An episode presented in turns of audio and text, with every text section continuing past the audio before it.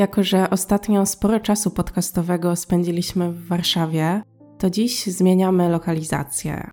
Przenosimy się na Dolny Śląsk, a dokładnie do Legnicy, czyli do średniej wielkości miasta leżącego w centralnej części województwa. Tradycyjnie podam odległości, abyście mogli sobie łatwiej wyobrazić umiejscowienie miejsca akcji. Jeżeli mieszkaniec Legnicy chciałby pojechać samochodem do Czech, to droga do przejścia granicznego zajmie mu około godziny. Tak samo pod względem dystansu i czasu przejazdu wygląda droga do miasta wojewódzkiego, czyli do Wrocławia. Jest rok 2015, a w Legnicy mieszka pewne małżeństwo Halina oraz Franciszek K.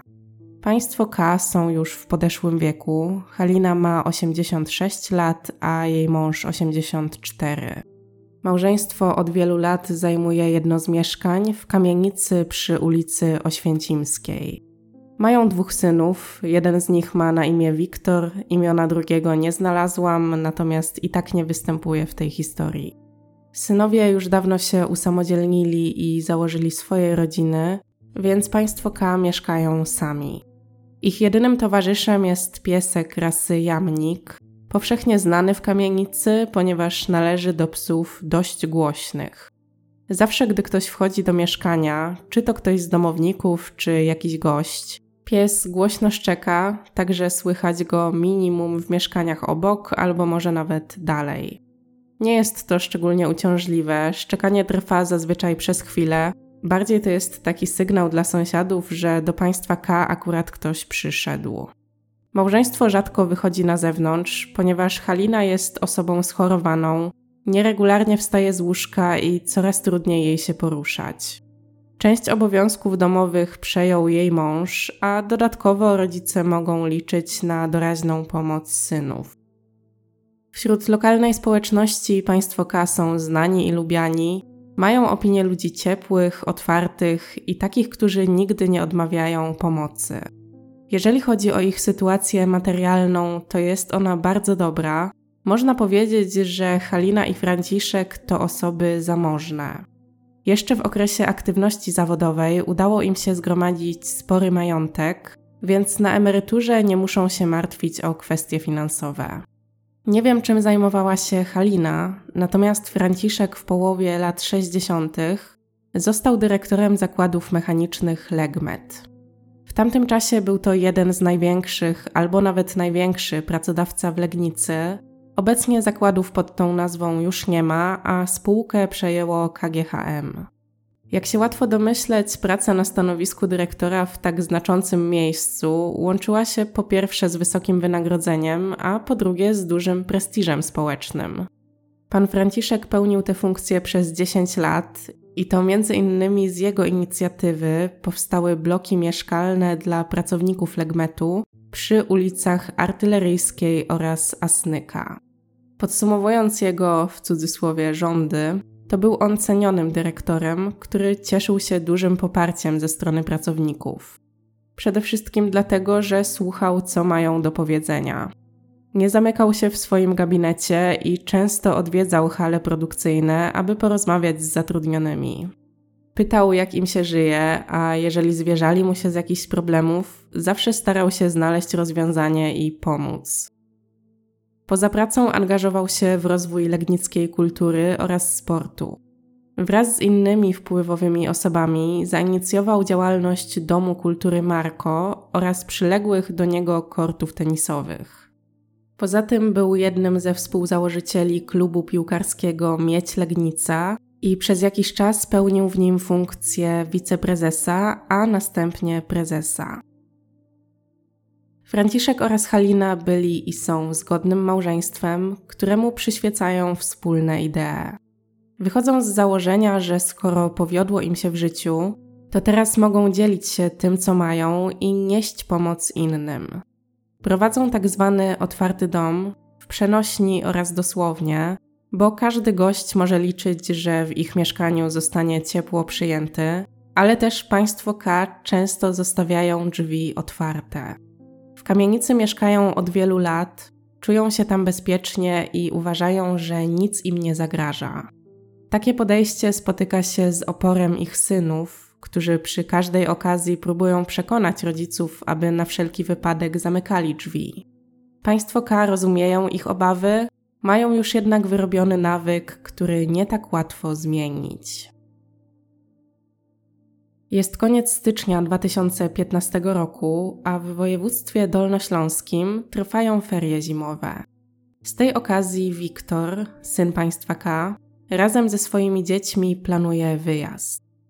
Fazie planowania ośmioletnia córka Wiktora, która jest bardzo związana z pieskiem należącym do dziadków, pyta ich oraz tatę, czy mogliby zabrać jamnika ze sobą. Dziadkowie się zgadzają, więc jeszcze przed opuszczeniem Legnicy Wiktor wraz z córką jedzie do mieszkania na Oświęcimskiej, aby odebrać psa i pożegnać się z rodzicami. Zapowiada, że wrócą w niedzielę 1 lutego, pewnie w godzinach wieczornych. W razie czego syn podkreśla, że jest cały czas pod telefonem, więc będą w kontakcie. Niestety już po ich wyjeździe Halina zaczyna bardzo źle się czuć, a że dolegliwości nie ustępują przez dłuższy czas, jej mąż wzywa pogotowie. Karetka odwozi kobietę do szpitala, ale sytuację na szczęście szybko udaje się opanować. Halina musi jedynie pozostać na kilkudniowej obserwacji, w trakcie której zostaną przeprowadzone potrzebne badania. Franciszek zostaje więc sam w mieszkaniu, chociaż nie na długo, bo jeszcze przed kolejnym weekendem jego żona zostaje wypisana do domu. W niedzielę 1 lutego pogoda nie zachęca do wychodzenia na zewnątrz, ponieważ temperatura oscyluje w okolicach zera, a Legnica zatopiona jest w śniegu. Wiktor wraca więc z ferii zimowych w niezbyt sprzyjających warunkach atmosferycznych. Jest coraz bardziej zaniepokojony i to nie tylko przez trudne warunki na drodze, a głównie przez to, że od rana rodzice nie odbierają telefonu. Ustalili, że pozostaną w kontakcie, więc brak odzewu z ich strony jest co najmniej niepokojący. Tym bardziej, że syn wie o słabym stanie zdrowia matki oraz o jej wizycie w szpitalu w ostatnich dniach. Sytuacja została opanowana, ale może znowu coś się stało, tym razem również z tatą.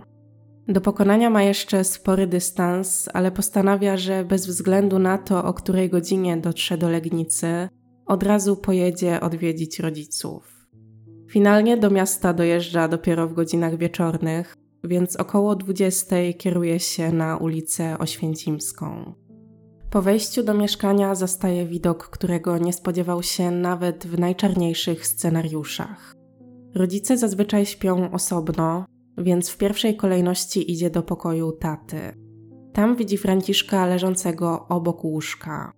Mężczyzna ubrany jest w piżamę i mógłby sprawiać wrażenie, jakby zasłabł, gdyby nie rozległa rana na jego głowie.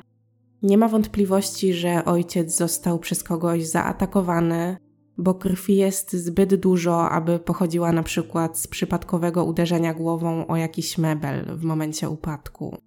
Niestety na pomoc jest już za późno, ponieważ mężczyzna z całą pewnością nie żyje. Pełen obaw Wiktor kieruje się do sypialni mamy, gdzie traci wszelkie nadzieje. Halina w przeciwieństwie do męża leży w łóżku, a na poduszce dookoła jej głowy również widoczna jest rozległa czerwona plama. Syn niezwłocznie dzwoni pod numer alarmowy, a po niedługim czasie na miejsce przyjeżdża karetka oraz ekipa śledcza. Pierwsza hipoteza, jaka się nasuwa, to oczywiście motyw rabunkowy. Zaatakowano dość zamożnych starszych ludzi, którzy często nie zamykali mieszkania na klucz. Zważywszy na to, że w momencie ataku mieli na sobie piżamy, to prawdopodobnie do zdarzenia doszło w nocy, może gdy spali, więc ich czujność była zdecydowanie obniżona. Przybyli na miejsce policjanci przez kolejne godziny zabezpieczają istotne ślady, oglądają mieszkanie oraz teren dookoła, a także wypytują potencjalnych świadków, czy może coś widzieli. Niestety sąsiedzi, którzy z założenia mogliby być najcenniejszym źródłem informacji, nic nie widzieli i niczego nie słyszeli. Gdyby w domu akurat był pies, to pewnie sytuacja ukształtowałaby się inaczej, ponieważ zacząłby szczekać jak zawsze po wejściu obcego do mieszkania i może obudziłby kogoś z mieszkańców kamienicy. Fakt, że atak nastąpił akurat wtedy, gdy Wiktor zabrał jamnika państwa K na ferie zimowe, nasuwa podejrzenia, że sprawca obserwował mieszkanie i na podstawie tych obserwacji wybrał idealny moment na atak.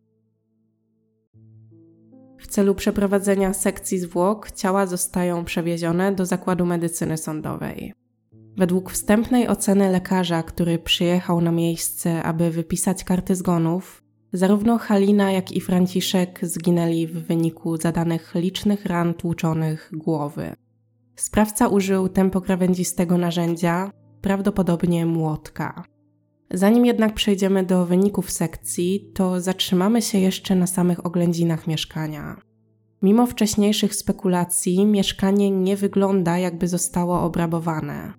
Panuje w nim względny porządek, z szafek niczego nie powyrzucano i w ogóle nie ma żadnych śladów świadczących o tym, że ktoś czegoś szukał. Bardziej wygląda to tak, jakby sprawca wszedł do środka, aby zabić swoje ofiary, i to był dla niego cel sam w sobie. Informacje potwierdzają synowie, według których nic nie zginęło, a przecież mogło. Rodzice mieli wiele cennych rzeczy, które z łatwością dałoby się spieniężyć. To odkrycie trochę komplikuje sprawę, bo trudno szukać sprawcy, skoro nie wiadomo, jakim motywem się kierował. Po wykluczeniu motywu rabunkowego właściwie trudno znaleźć inny, ponieważ państwo K nie mieli wrogów, rzadko wychodzili z domu i nie robili niczego, co można by uznać za jakkolwiek kontrowersyjne. Sekcja zwłok zostaje przeprowadzona już na początku następnego tygodnia. Według informacji przekazanych przez patologa, zgon obojga badanych nastąpił w nocy z soboty 31 stycznia na niedzielę 1 lutego. Zarówno żona, jak i mąż zginęli w wyniku zadawanych ciosów w głowę, Franciszkowi sprawca zadał 12 ciosów, a Halinie 6. Wiadomo, że napastnik uderzał z ogromną siłą i determinacją. Na głowie pani Haliny znajdowały się ślady DNA jej męża, co można zinterpretować tak, że zginęła ona jako druga. Do odebrania jej życia sprawca użył tego samego narzędzia, które wcześniej wykorzystał do ataku na Franciszka. Na narzędziu nadal znajdowała się krew mężczyzny, więc gdy sprawca użył tego powiedzmy młotka ponownie, krew pierwszej ofiary znalazła się na głowie tej drugiej. Napastnik uderzał nawet gdy ofiary już nie żyły, więc mówimy tutaj o zjawisku nadzabijania.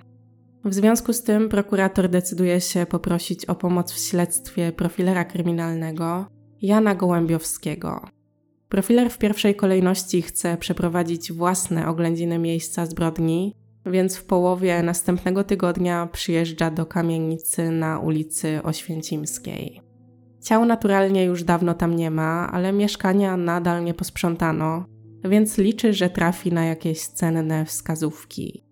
Początkowo sprawdza układ pomieszczeń i zauważa, że pomiędzy pokojem, w którym spała Halina, a pokojem, w którym spał Franciszek, jest jedynie wąski korytarzyk zastawiony wieloma przedmiotami. Sprawca niczego nie zrzucił ani nie przewrócił, mimo że poruszał się po ciemku albo przy ograniczonym źródle światła. Najpewniej chcąc być dyskretnym, nie włączał żadnej z lamp, więc mógł mieć własną latarkę, albo jest jeszcze jedna opcja. Tuż przed oknami mieszkania znajduje się latarnia uliczna. Latem przysłaniają ją liście drzew, z kolei zimą tych liści nie ma, więc do pokoi państwa K dociera sporo światła. Wobec tego sprawca nawet bez latarki i włączonego oświetlenia mógł poruszać się po mieszkaniu, chociaż w takiej sytuacji miał mocno ograniczone pole widzenia.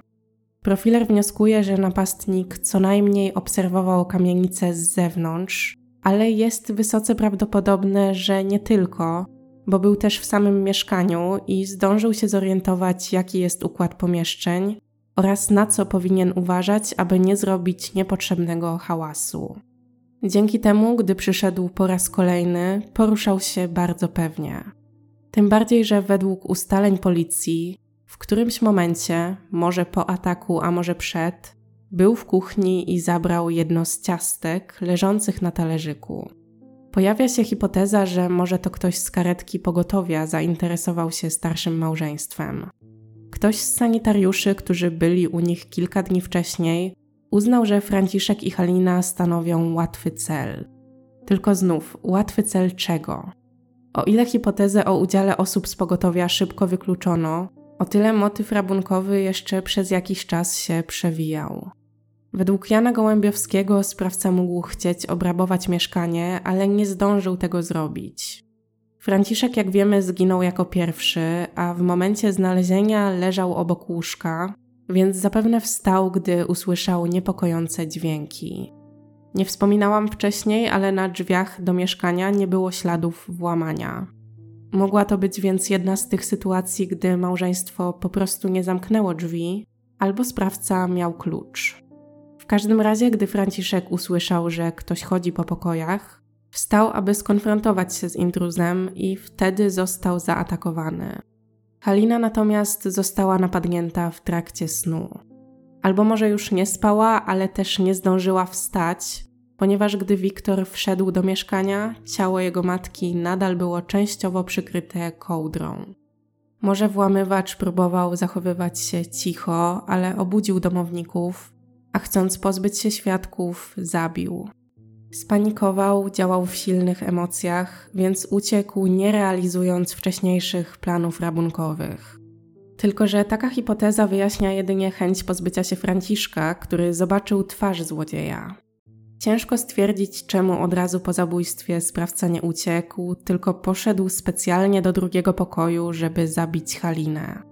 Ona nawet nie wstała z łóżka, więc w sytuacji, gdy włamywacz chciał jak najszybciej opuścić mieszkanie, poświęcanie uwagi na zaatakowanie kolejnej osoby, która i tak go nie widziała, wydaje się zwyczajnie stratą czasu. Ostatecznie po przeanalizowaniu obrażeń oraz wszystkich zebranych dowodów, śledczy wracają do punktu wyjścia. Najpewniej sprawca niczego nie ukradł, bo nie chciał. Przyszedł, aby zabić, ponieważ odczuwał żal wobec ofiar, być może chciał się zemścić.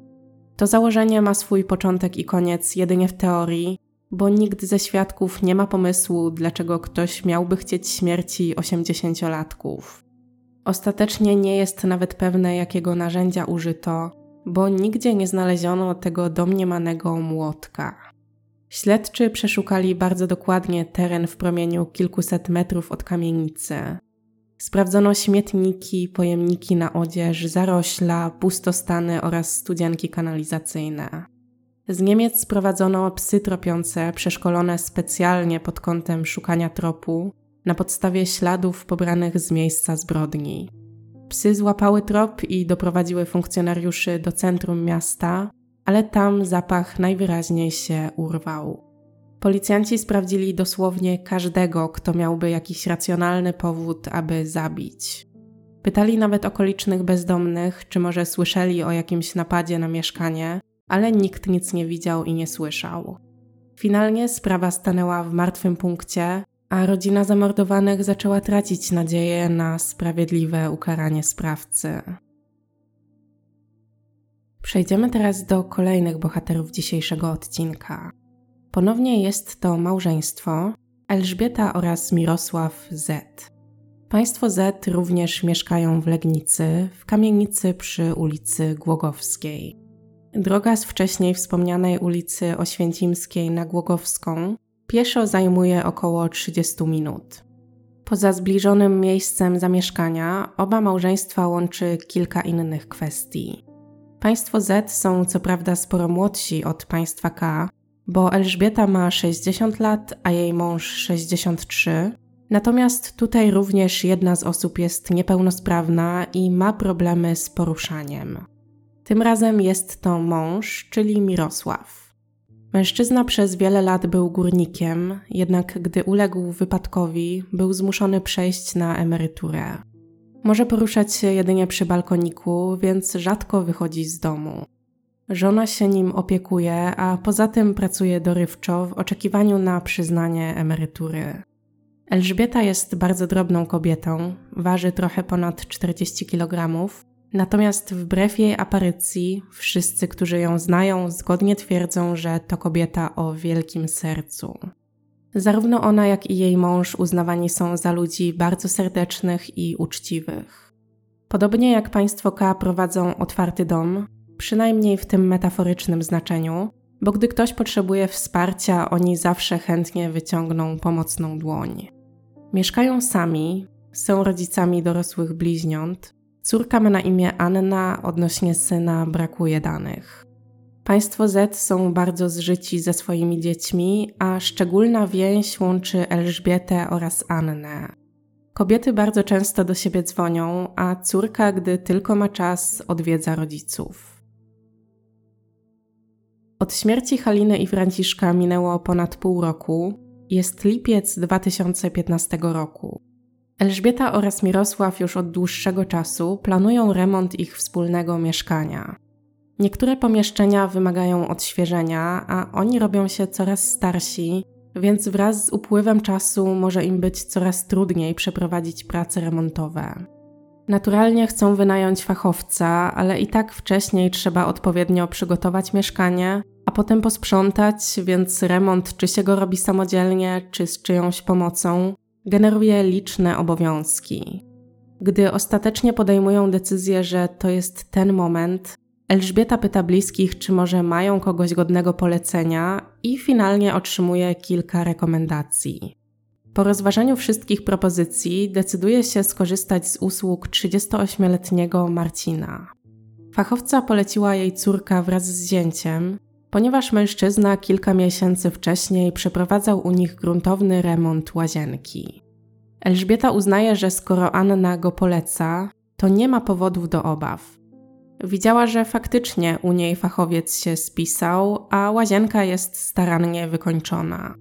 Marcin ma doświadczenie, nie żąda jakiejś wygórowanej stawki i co ważne jest dyspozycyjny. Anna opowiada, że jest on dość zamknięty w sobie, ale to w niczym nie przeszkadza, bo po prostu koncentruje się na tym, aby dobrze wykonać swoje zadanie. Wkrótce Elżbieta i Mirosław przekonują się, że córka miała rację. Prace remontowe rozpoczynają się w połowie sierpnia, sprawnie idą do przodu, a Marcin przykłada się do tego, co robi. Państwo Z, widząc, że efekty są zadowalające, regularnie wypłacają mu zaliczki. Ponadto Marcin może liczyć na obiady podawane przez Elżbietę po wykonanych obowiązkach oraz różne przekąski, które kobieta przynosi mu w trakcie. W związku z tym, że jest sierpień i trwa bardzo upalne lato, gospodyni nieraz częstuje też Marcina zimnym piwem, aby choć trochę się ochłodził w trakcie pracy. Po kilku tygodniach państwo Z przekazują mu nawet klucz do mieszkania, aby Marcin mógł sam wchodzić i wychodzić pod nieobecność Elżbiety, jednocześnie nie fatygując jej męża do każdorazowego wstawania z łóżka. Anna na bieżąco sprawdza postępy w remoncie, a także pomaga mamie z zakupami potrzebnych materiałów. W trakcie jednej z rozmów Elżbieta mówi córce, że w czwartek 27 sierpnia Marcin będzie malował ściany. Anna, słysząc to, proponuje, że tego dnia wieczorem podjedzie do rodziców, bo chciałaby zobaczyć efekt, a poza tym pomoże Elżbiecie w umyciu podłóg. Mama się zgadza, jednak gdy w ciągu dnia w czwartek córka znów do niej dzwoni, nie odbiera. Anna próbuje dodzwonić się również do taty, ale bezskutecznie. Trochę się niepokoi, jednak uznaje, że i tak po pracy ma jechać do rodziców, więc po prostu na żywo z nimi porozmawia. Zgodnie z planem około 18 podjeżdża na ulicę Głogowską, a że nie ma ze sobą klucza, dzwoni do drzwi. Nikt nie otwiera, próbuje więc nacisnąć klamkę, bezskutecznie. Drzwi są zamknięte. Nagle Anna przypomina sobie, że na ten dzień Elżbieta zamówiła mszę w intencji swojej zmarłej mamy, ponieważ akurat dziś przypada rocznica jej śmierci.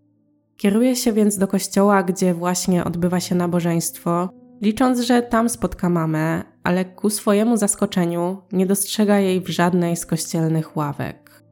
Wtedy zaczyna się naprawdę denerwować, bo sytuacja robi się coraz bardziej zagadkowa.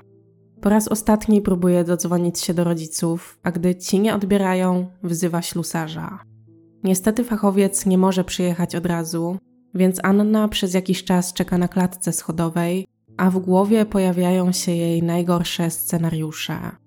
Gdy ślusarz dojeżdża na miejsce, potrzebuje czasu, aby uporać się z zamkiem, i finalnie do mieszkania udaje im się wejść dopiero około godziny 21.30. Po wejściu do środka Anna przeżywa szok. Zgodnie z jej przypuszczeniami, rodzicom stało się coś złego, ale nikt nie zasłabł tak jak zakładała. Jej mama i tata zostali zamordowani. Na podłodze w kuchni leży Elżbieta. Dookoła jest pełno krwi, kobieta ma rozległą ranę głowy, a także liczne rany kłute na ciele. Na łóżku w sypialni leży Mirosław z takimi samymi obrażeniami. Anna niezwłocznie dzwoni pod numer alarmowy, a lekarz po wstępnych oględzinach stwierdza, że to Elżbieta została zaatakowana jako pierwsza.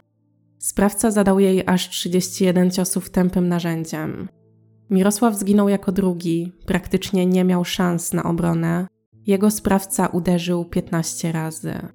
Po wszystkim napastnik dodatkowo wziął nóż i każdej z ofiar zadał nim po kilka ciosów.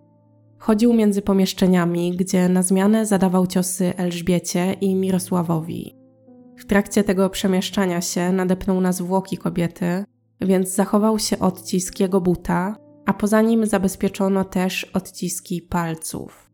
Śledczy szukają świadków, a jako pierwsza zeznania składa naturalnie Anna.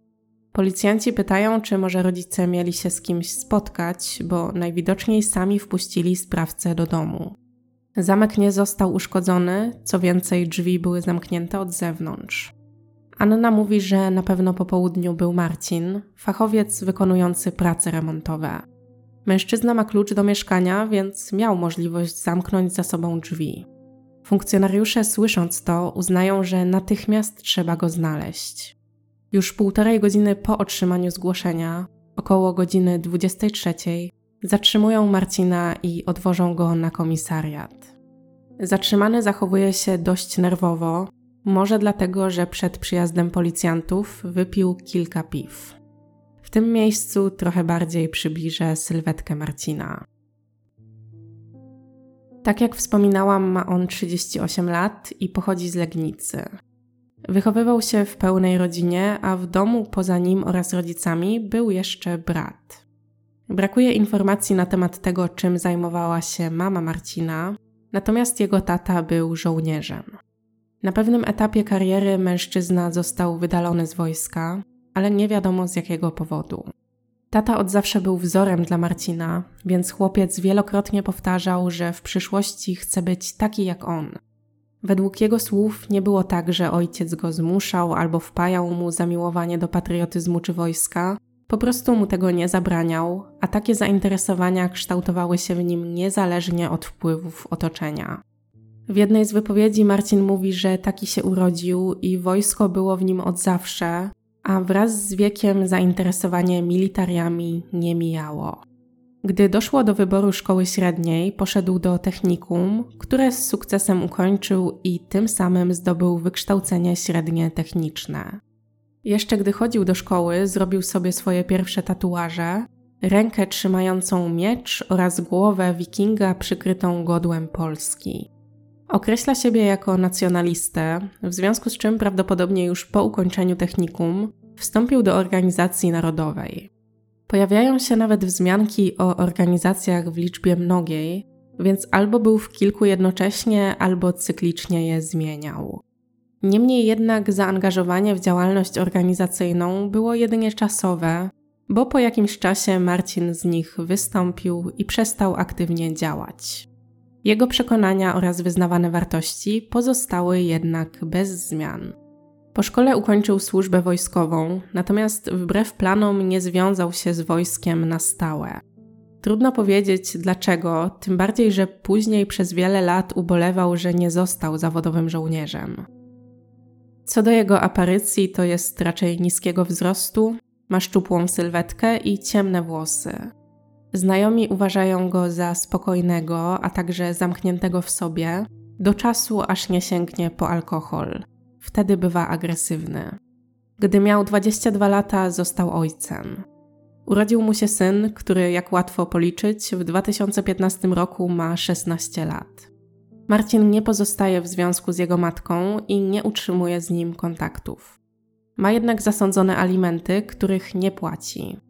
Zarabia głównie na czarno, wykonując różne prace remontowe, a informacje o jego usługach przekazywane są jedynie za pomocą tzw. Tak poczty pantoflowej. Zdarza się też, że pracuje dorywczo na budowach. Również jest to zatrudnienie niesformalizowane, więc ciężko wyegzekwować od niego spłatę zaległych alimentów. W przeszłości był karany za oszustwa, natomiast w momencie, gdy rozgrywają się kluczowe wydarzenia, żyje bardzo skromnie. Nie ma telewizji ani internetu i praktycznie nie śledzi doniesień medialnych. Mieszkanie wynajmuje na pół razem ze współlokatorem Gieniem. Tata Marcina zmarł w 2014 roku, co mężczyzna bardzo przeżył. Po jego śmierci odsunął się od mamy oraz brata i kompletnie zamknął się w sobie. W związku z tym często czuje się samotny, bo praktycznie z nikim nie utrzymuje bliskich kontaktów. Przesłuchanie Marcina ma miejsce dwa dni po jego zatrzymaniu, czyli w sobotę 29 sierpnia. Na początku na pytania policjantów odpowiada bardzo niespójnie. Mimo tego przesłuchujący go funkcjonariusze są mocno wyczuleni i niejednokrotnie przyłapują go na kłamstwie. W końcu Marcin stwierdza, że z nimi nie wygra, więc powie prawdę. Ku zaskoczeniu zgromadzonych przyznaje się nie tylko do zamordowania Mirosława oraz Elżbiety, ale także do tego, że pół roku wcześniej odebrał życie Halinie i Franciszkowi. Opowiada o tym tak, jakby chciał się pochwalić swoimi osiągnięciami oraz oczekiwał aprobaty, której naturalnie nie dostaje. Spotyka się jedynie z zaskoczeniem zgromadzonych, ponieważ motyw, który przedstawia, brzmi co najmniej absurdalnie. Rozpoczyna opowieść od opisu swojego ojca, który zmarł rok przed dokonaniem pierwszej zbrodni. Opowiada o tym, jak bardzo przeżył jego śmierć, a także o tym, jak trudno było mu przepracować żałobę. Myślami często wracał do opowieści ojca, który w swoich historiach skupiał się przede wszystkim na patriotach oraz zdrajcach ojczyzny. Tak też było 31 stycznia 2015 roku. Marcin siedział w domu, wspominał, a jego myśli tym razem powędrowały w kierunku zdrajców, o których wielokrotnie słuchał w dzieciństwie. Uznał, że to najwyższy czas, aby wziąć sprawy w swoje ręce i rozprawić się z tymi, którzy, jak to sam określił, plują w twarz pomnikowi Polski walczącej. Tymi wrogami ojczyzny byli według niego właśnie państwo K, aczkolwiek zeznania na ich temat są tak mętne, że trudno w ogóle stwierdzić, czy Marcin wiedział, jak się nazywali. W każdym razie opowiada o nich z pogardą, a także odwołuje się do ich dobrej pozycji w czasach PRL-u. Gdy śledczy próbują doprecyzować, nie za bardzo umie wyjaśnić, nie wie kim dokładnie byli i tłumaczy, że bazuje na słowach ojca, według którego państwo K nie byli patriotami. Tłumaczy też okrętnie, że mieszkał kiedyś w budynku, gdzie było dużo osób ze starszego pokolenia. Tam sporo słyszał i widział, a na podstawie krążących w sąsiedztwie pogłosek domyślił się, że chodzi o Halinę oraz Franciszka, mieszkających na ulicy Oświęcimskiej. Motyw tej zbrodni, albo w sumie jego brak, dobrze obrazuje cytat z zeznań Marcina, przytoczony na platformie Plus GS24. Nie wiem, co K dokładnie mieli robić przeciwko Polakom, bo to jest tajne. Ja dokonałem na nich egzekucji. To chyba ja sam wydałem na nich wyrok. Po kolejnych pytaniach zadawanych przez śledczych, Marcin przedstawia przebieg wydarzeń z 1 lutego 2015 roku. Ta data nie jest przypadkowa, ponieważ to pierwsza rocznica śmierci jego ojca. Podkreśla, że wcześniej wielokrotnie przechodził obok domu swoich ofiar i nigdy nie planował ich zabić, ale wtedy, pod koniec stycznia, coś w nim pękło. 1 lutego nad ranem pojechał na ulicę Oświęcimską i wszedł na klatkę schodową.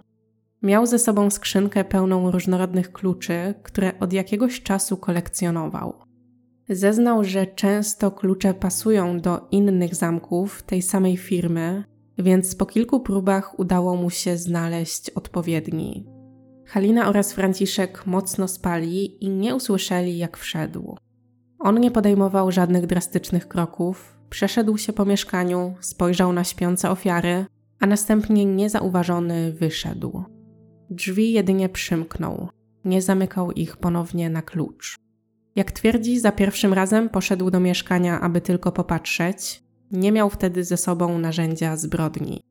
Jego uwagę zwróciły jednak pewne detale, które kompletnie wyprowadziły go z równowagi i przez które zdecydował, że zabije.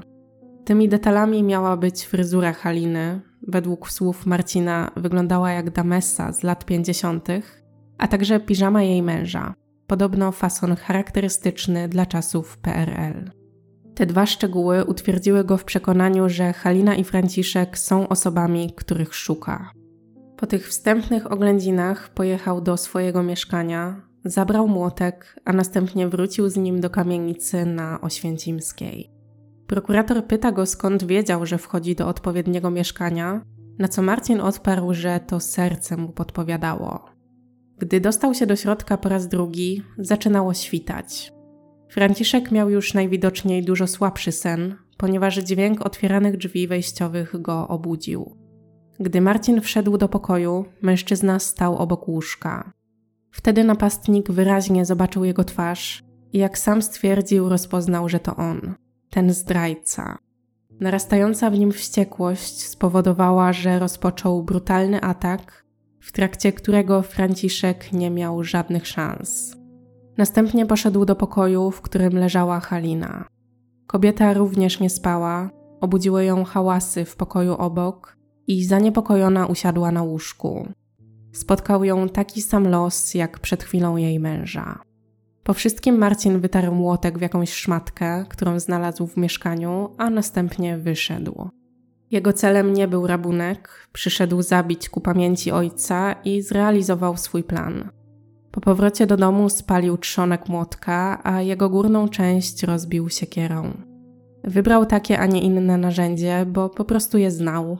Młotek to jego narzędzie pracy i było to pierwsze, co mu przyszło do głowy. Śledczy prowadzący przesłuchanie po wysłuchaniu całej historii są w niemałym szoku. Prokurator podejmuje decyzję po pierwsze o jak najszybszym przeprowadzeniu wizji lokalnej, a po drugie o skierowaniu Marcina na obserwację psychiatryczną. Przedstawiona motywacja do popełnienia zbrodni wydaje się tak niedorzeczna, że aż nieprawdopodobna. Dlatego też trzeba jak najszybciej zweryfikować, czy podejrzany będzie w ogóle w stanie odtworzyć przebieg zdarzeń.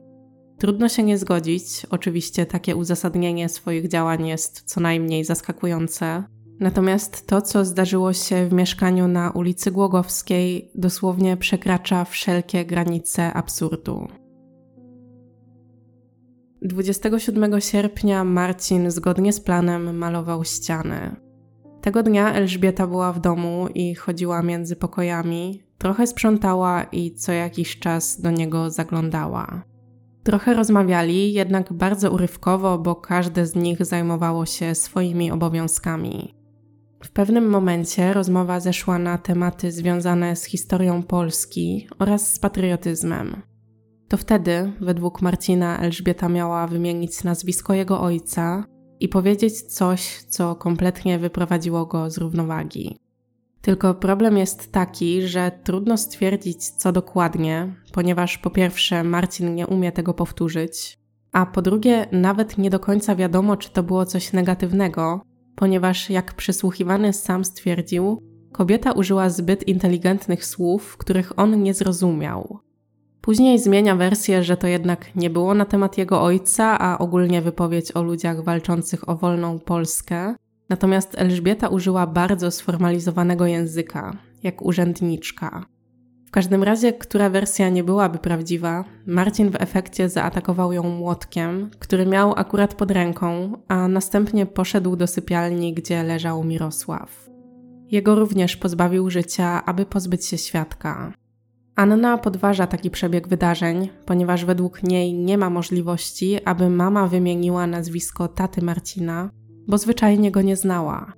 Sama Anna, mimo że wcześniej Marcin remontował u niej łazienkę, nie wiedziała, jak dokładnie się nazywa, ani tym bardziej, kto był jego ojcem. Pewnie skoro Marcin pracował na czarno, to nie spisywał z nikim żadnych umów. Po prostu zleceniodawcy dawali mu pieniądze do ręki po wykonanej pracy. Jeszcze odnośnie ataku, to już po zadaniu ciosów młotkiem, Marcin sięgnął po nóż, aby mieć pewność, że jego ofiary nie żyją i nie zeznają nic przeciwko niemu. Czytał kiedyś o walkach kibiców, trakcie których komuś zadano ranę nożem w udo, w efekcie czego ta osoba się wykrwawiła. Postanowił przyjąć taką samą taktykę, jednak najwidoczniej nie wycelował w takie miejsce jak osoba w artykule, bo krew prawie w ogóle nie leciała. Wtedy zaczął zadawać ciosy w szyję. Po wszystkim wyszedł z mieszkania, zamknął drzwi na klucz, aby przypadkiem nikt z sąsiadów nie wszedł do środka, a następnie wrócił do siebie. Brudne od krwi rzeczy wrzucił na półkę w piwnicy, potem włączył muzykę i w ten sposób spędził kolejne godziny. Po tym czasie uznał, że nie jest w stanie siedzieć sam i potrzebuje towarzystwa, dlatego wziął rower i pojechał do swojej znajomej, Beaty W. On i Beata poznali się niedawno, można powiedzieć, że randkowali, ale było to praktycznie kilka spotkań, więc za dobrze się jeszcze nie znali. Beata z zawodu jest fryzjerką oraz plastyczką. Poznali się w pracy, ponieważ w salonie fryzjerskim, w którym pracuje, przeprowadzany był remont, a wykonawcą był właśnie Marcin. Para spędza ze sobą kilka godzin, jednak wieczorem kobieta mówi, że musi wyjść, ponieważ już wcześniej umówiła się z koleżanką. Wobec tego Marcin wraca do siebie, a po drodze kupuje czteropak piwa. W domu po wypiciu piw próbuje zasnąć, jednak niespodziewanie albo też spodziewanie w jego drzwiach staje policja. Beata również zostaje zatrzymana, ale szybko oczyszczono ją z zarzutów. Kobieta zeznaje, że zna Marcina bardzo krótko, a podczas spotkania 27 sierpnia nie wspominał nic o zbrodni, w której brał udział. Zachowywał się neutralnie, aczkolwiek prosił ją o pożyczenie pieniędzy, Brakuje jednak informacji na temat tego, czy się zgodziła. Na wizji lokalnej Marcin znów wraca do wersji, że o rzekomej winie Haliny i Franciszka wiedział od ojca. Podobno, gdy razem szli obok kamienicy na Oświęcimskiej, ojciec pokazał mu ich okno i powiedział: Tu mieszkają źli ludzie. Wypowiadał się o nich bardzo niepochlebnie, a także wspominał, że nie zasługują na to, aby chodzić po tej ziemi. Niestety nadal brakuje konkretów, bo gdy prokurator wypytuje Marcina, co to ma dokładnie znaczyć, co słyszał i co haniebnego Halina oraz Franciszek według niego zrobili, nie umie odpowiedzieć. Wspomina tylko, że w jego duszy to zdrajcy, a ogólnie to jest tajemnica wojskowa, którą ojciec zabrał ze sobą do grobu. Podejrzany nie ma większego problemu, aby odtworzyć przebieg wydarzeń, i wszystkie przedstawione przez niego czynności są spójne z zebranym materiałem dowodowym. Na wizjach lokalnych sprawcy zazwyczaj są spokojni, a jak mają coś pokazać, to od niechcenia demonstrują, co zrobili. Natomiast Marcin jest bardzo ekspresyjny, a wydarzenia odtwarza w dynamiczny sposób, z dużą siłą, jakby na nowo obudziła się w nim chęć zabijania. Po wszystkim stwierdza, że trochę go poniosło, bo wszystkie wspomnienia odżyły w nim na nowo. Może Was zaskoczę, ale zgodnie z opinią biegłego psychiatry, Marcin był w pełni poczytalny w momencie popełniania zbrodni, aczkolwiek w trakcie obserwacji próbował symulować chorobę psychiczną. Raczej z marnym skutkiem, skoro biegły się zorientował. Poza tym, według opinii, badany ma osobowość psychopatyczną, jest bardzo skoncentrowany na sobie i praktycznie nie odczuwa empatii. Traktuje innych w bardzo instrumentalny sposób, a sprawianie im bólu czy cierpienia nie powoduje w nim żadnych wyrzutów sumienia. Ogólnie jest agresywny i niestabilny emocjonalnie. Podchodzi do innych z rezerwą, ponieważ odczuwa uraz względem ogółu społeczeństwa. Nawet jakiś prozaiczny powód może doprowadzić u niego do wybuchu złości, a jako mechanizm rozładowujący tą złość stosuje przemoc. Zna zasady obowiązujące w społeczeństwie, jednak ich nie stosuje. W opinii biegłego popełnianie przez Marcina kolejnych brutalnych czynów to jedynie kwestia czasu. Według prokuratora sprawca nie panuje nad swoimi emocjami i ma niepohamowaną chęć dominacji. Popełnienie zbrodni, a także uczucie przewagi nad ofiarami sprawiło, że czuł się dowartościowany. Blisko rok po zatrzymaniu Marcina do sądu okręgowego w Legnicy trafia akt oskarżenia. Zostaje mu przydzielona pani mecenas z urzędu, ale współpraca nie układa im się najlepiej. Kobieta twierdzi, że trudno jej realizować linię obrony z oskarżonym, który z nią nie współpracuje i bez przerwy przedstawia różne stanowiska. Z kolei oskarżony twierdzi, że obrończyni w ogóle nie odwiedza go w areszcie, aby podjąć jakiekolwiek ustalenia odnośnie linii obrony. Ostatecznie to pani adwokat składa wniosek o przydzielenie oskarżonemu innego obrońcy, natomiast sąd ten wniosek odrzuca, ponieważ taka zmiana znacznie wydłużyłaby całe postępowanie sądowe. Nawet bez tego proces trwa prawie rok, a w jego trakcie sąd ponownie zapoznaje się z opinią biegłych oraz zeznaniami świadków. Linia obrony jest ostatecznie taka, że Marcin w młodym wieku, gdy jego osobowość dopiero się kształtowała, nieświadomie przejął poglądy ojca, które finalnie mocno się w nim zakorzeniły i doprowadziły do tragedii. Przed sądem oskarżony podtrzymuje wersję z przesłuchania, ponieważ mówi tylko, że przyznał się do winy i odmawia dalszego składania wyjaśnień oraz odpowiedzi na pytania stron. Sąd musi więc bazować na jego wcześniejszych zeznaniach. Jedyne co Marcin od siebie dodaje, to tutaj cytat. Chciałem tylko dodać, że wszystkie z czterech ofiar zginęły natychmiast i nieświadomie.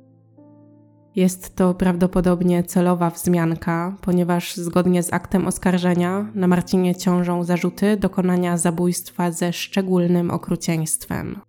Ogólnie momentami zachowuje się w bardzo zaskakujący sposób, bo przykładowo ma pretensje do biegłych z zakresu medycyny, że nie umieli określić jego wzrostu na podstawie analizy zadanych ciosów. Też jako inny przykład braku współpracy z obrończynią można przytoczyć sytuację, gdy w trakcie procesu zakończył mu się areszt tymczasowy, a ona złożyła wniosek o nieprzedłużanie tego środka zapobiegawczego. Było z góry wiadome, że ten wniosek zostanie raczej odrzucony, ale obrońcy, jak to obrońcy, wiadomo, robią wszystko, żeby złagodzić karę. W każdym razie, jak sędzia wspomniał, że wpłynął taki wniosek, Marcin powiedział, że on się z nimi nie zgadza i areszt powinien być przedłużony. Naturalnie w trakcie procesu na rozprawach pojawiają się bliscy zamordowanych. Gdy sąd ogłasza, że mają zeznawać dzieci ofiar, Marcin żąda, aby wyprowadzić go z sali. Przez cały proces ani razu się do nich nie zwraca, nie okazuje skruchy ani nie przeprasza. Jedyną osobą, która składa im wyrazy współczucia i przeprasza za zachowanie syna, jest jego mama Teresa. Kobieta przychodzi do sądu wraz z drugim synem, który nie pojawiał się na wcześniejszych rozprawach mimo kilkukrotnego wezwania. Przed sądem wyjaśnia, że nie może patrzeć na swojego brata po tym, co zrobił i dlatego unikał konfrontacji.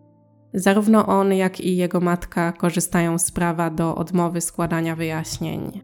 Poza nimi zeznają też m.in. sąsiedzi oraz była partnerka Marcina, z którą rozstali się kilka miesięcy przed popełnieniem pierwszego morderstwa.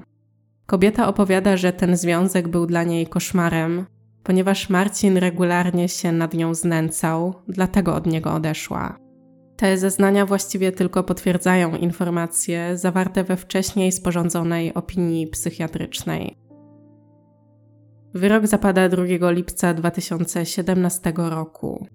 Marcin zostaje skazany na karę dożywotniego pozbawienia wolności. Przewodniczący składu sędziowskiego, sędzia Marek Regulski, podkreśla, że oskarżony nie miał żadnych podstaw, aby uznawać swoje ofiary za wrogów ojczyzny. Tak naprawdę ich nie znał i ze zgromadzonego materiału dowodowego wynika, że nigdy nie wyrządzili mu żadnej krzywdy. Brakuje okoliczności łagodzących, tym bardziej, że Marcin w trakcie całego procesu nie okazał skruchy. Nawet gdy przed samym ogłoszeniem wyroku sąd udzielił mu głosu, on po prostu siedział i milczał.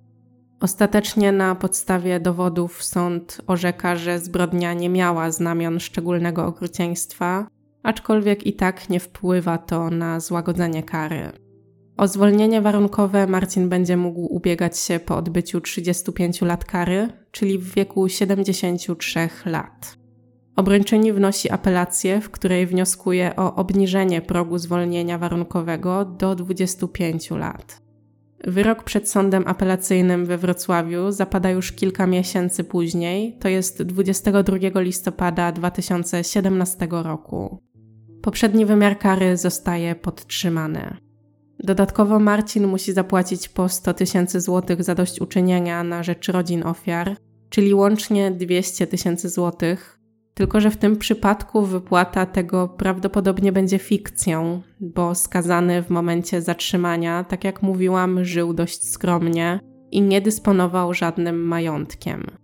Na tym informacje odnośnie postępowania sądowego się kończą.